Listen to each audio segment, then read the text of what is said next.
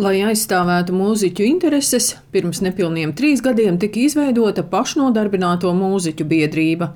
Biedrības dibināšanas iniciatori bija tādi Latvijā pazīstami mūziķi kā Aivars Hermanis, Gunters Račs, Jānis Lūsēns, Mārcis Auziņš un Kaspars Zemītis, kurš arī kļuvis par biedrības valdes priekšsēdētāju manuprāt, ļoti svarīgā lieta, ka mēs sarunājamies, jo pandēmijas laiks bija tas brīdis, kad muzeķiem bija ļoti smagi apstākļi, un mēs esam pateicīgi kultūras ministrijai, ka šīs dialogs izveidojās, bet šobrīd šī diskusija ir samazinājusies. Tāpēc biedru izglītošana par to, kādas tiesības mēs drīkstam atsavināt un, un kādas tiesības mums ir svarīgi paturēt sev. Arī teātris, mūzikas komponisti šobrīd par to aktīvi runā.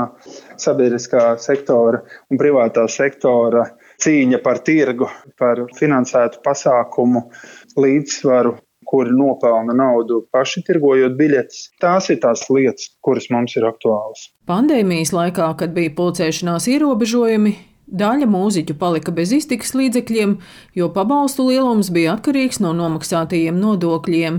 Pašnodarbināto mūziķu biedrības padomas loceklis Gunārs Račs stāsta, ka mūziķi ir radoši cilvēki, un tiem nevienmēr gribas iedziļināties likumdošanā, bet ir svarīgi zināt, kā mūziķus ietekmēs piemēram Eiropas Savienības digitālā vienotā tirgus direktīva un Latvijas autortiesību likums. Pastāstīsim, kā tieši šīs izmaiņas ietekmēs radošo cilvēku tiesības uzraudzīt savu darbu izmantošanu. Autoratlīdzību saņēmējiem vēl šo gadu ir pagarināta nodokļu līdzinējā kārtība, kad var nereģistrējot saimniecisko darbību, slēgt līgumu, saņemt atvieglotā kārtā atlīdzību. Un arī diskutēsim par to, varbūt ir iespēja teiksim, vispār saglabāt šo esošo autora atlīdzības režīmu, ja mēs atrodam kaut kādu risinājumu, kā mēs nodefinējam šos radošos cilvēkus, autors no tiem, kas šo režīmu izmanto varbūt negodprātīgi. Protams, parunāsim arī par jaunieviesto saimnieciskās darbības ieņēmumu kontu, kurš jau ir darbojas un kur ir kaut kādas reālas praktiskas pieredzes. Vai tas ir izdevīgi, vai tas ir apgrūtinoši, un, jo tas ir veidots tomēr kā alternatīva tam gadījumam, ja esošais autoratlīdzības režīms vairs netiek pagarināts.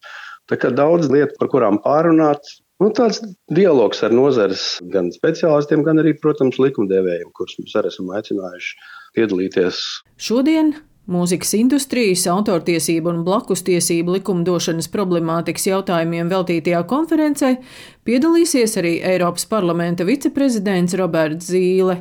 Viņš atzīst, ka mūziķu un likumdevēja dialogs ir vajadzīgs un kā svarīgu jautājumu min, piemēram, autortiesību jautājumu. Pagājušais gads bija pirmais pilnais gads, kad uh, tika ar mokām iedarbināta datu nesējuši atlīdzība autoriem. Un uh, 21. gadā, laikam, pusgadā ieviesu šo normu, tad bija runa, ka tagad vairs nevarēs pārdot telefonus, jo mobilos jau viņi būs par pusotru eiro dārgāk. Es domāju, ka tagad visi, kas to pērk, vai mēģina tikt pat pie vecākiem modeļiem, redz, ka tas absolūti nav ietekmējis šo cenu un neviens nav bankrotējis. Arī tas, kas notiek autora atlīdzību domā pasaulē, kur ir būtisks pārbīdes cenas ziņā, par 50 gadu veciem mūzikas uh, ierakstiem autoriem, teiksim, kā Nīlam Jangam, ir uh, 150 miljoni autortiesībās samaksāts par tikai pusi no viņa 50 gadu vecām dziesmām. Tas pats ar Bobu Dilanu Springstīnu.